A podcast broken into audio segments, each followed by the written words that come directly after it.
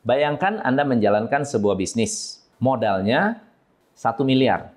Mendapatkan 20 ribu sampai 30 ribu per hari. Apakah worth it?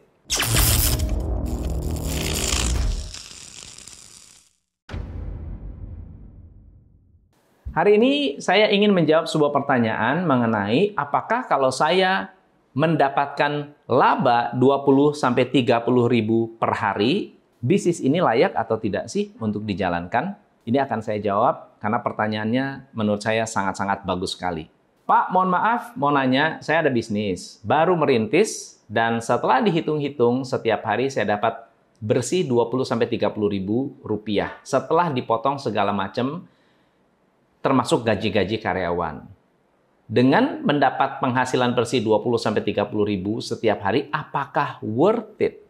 Saya tidak bisa menjawab apakah worth it atau tidak, tapi saya akan mengajarkan bagaimana cara mengukur worth it atau tidak. Saya akan memberikan Anda tiga ilustrasi. Ilustrasi yang pertama adalah Bayangkan Anda menjalankan sebuah bisnis. Modalnya 1 miliar. Setiap hari Anda mendapatkan 20.000 sampai 30.000 per hari. Pertanyaan saya, apakah worth it? Ini skenario yang pertama. Oke? Skenario yang kedua. Saya keluar modal 100 juta. Modal 100 juta menghasilkan 20 ribu sampai 30 ribu satu hari. Jadi modal saya menghasilkan 20 ribu sampai 30 ribu setiap hari. Nah yang ketiga, saya modalnya di bawah 100 juta. Modalnya di bawah 100 juta. Oke? Okay? Mungkin 10 juta, bisa 20 juta, bisa 50 juta. Baru merintis. Dapat 20 ribu sampai 30 ribu per hari. Dari tiga ilustrasi ini, mana yang menurut Anda worth it? Yang 50 juta, modal 50 juta, modal 100 juta, atau modal 1 miliar? Ayo. Ya, pasti yang kita bilang adalah yang modal 50 juta. Tapi kenapa kita mengatakan yang modal 50 juta yang lebih worth it. Karena ada return on equity.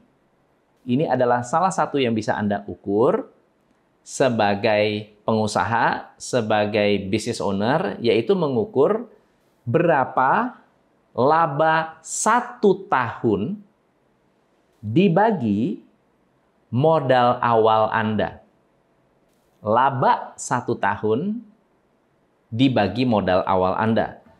Berarti kalau saya 20 ribu, katakan 30 ribu satu hari, dikali 365 hari, berarti 10 juta.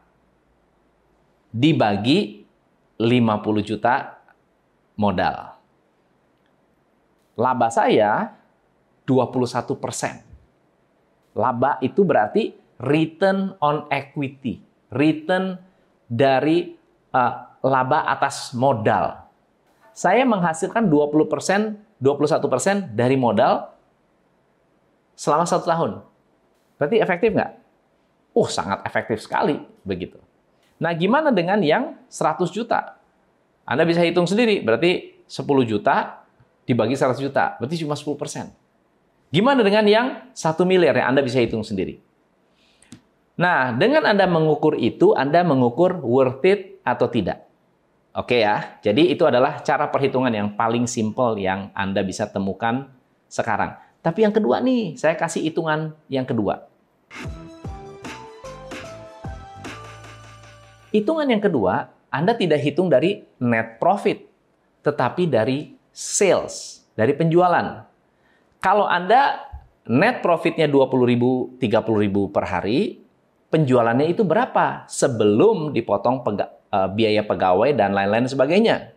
Lalu kemudian Anda bandingkan bukan dengan modal, tetapi dengan total aset. Anda punya mobil, Anda punya uh, gedung, inventory, semua dihitung asetnya. Nah, sekarang Anda bandingkan sales dibagi aset. Itu yang disebut productivity ratio. Apa itu productivity ratio? Setiap satu aset menghasilkan berapa penjualan. Katakan aset Anda yang Anda beli, yang Anda sewa atau apa pun itu totalnya nilainya adalah 100 juta.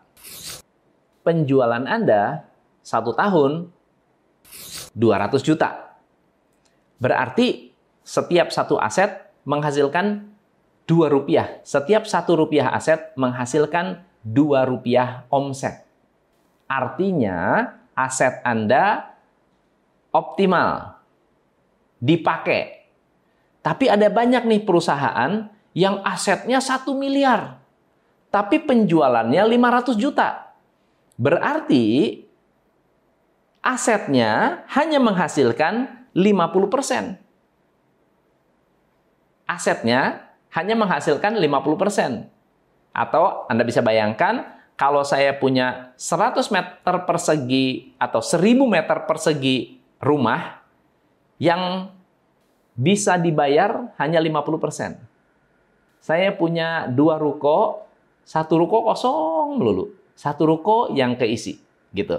Itu 50% productivity.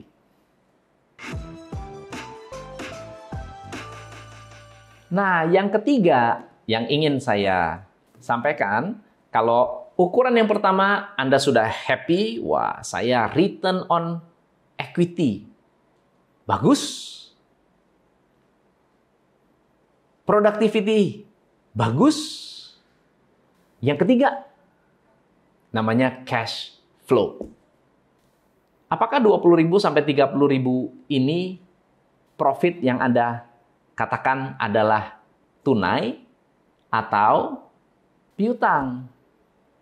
Sudah net diterima cash flow-nya atau sebetulnya masih harus menagih.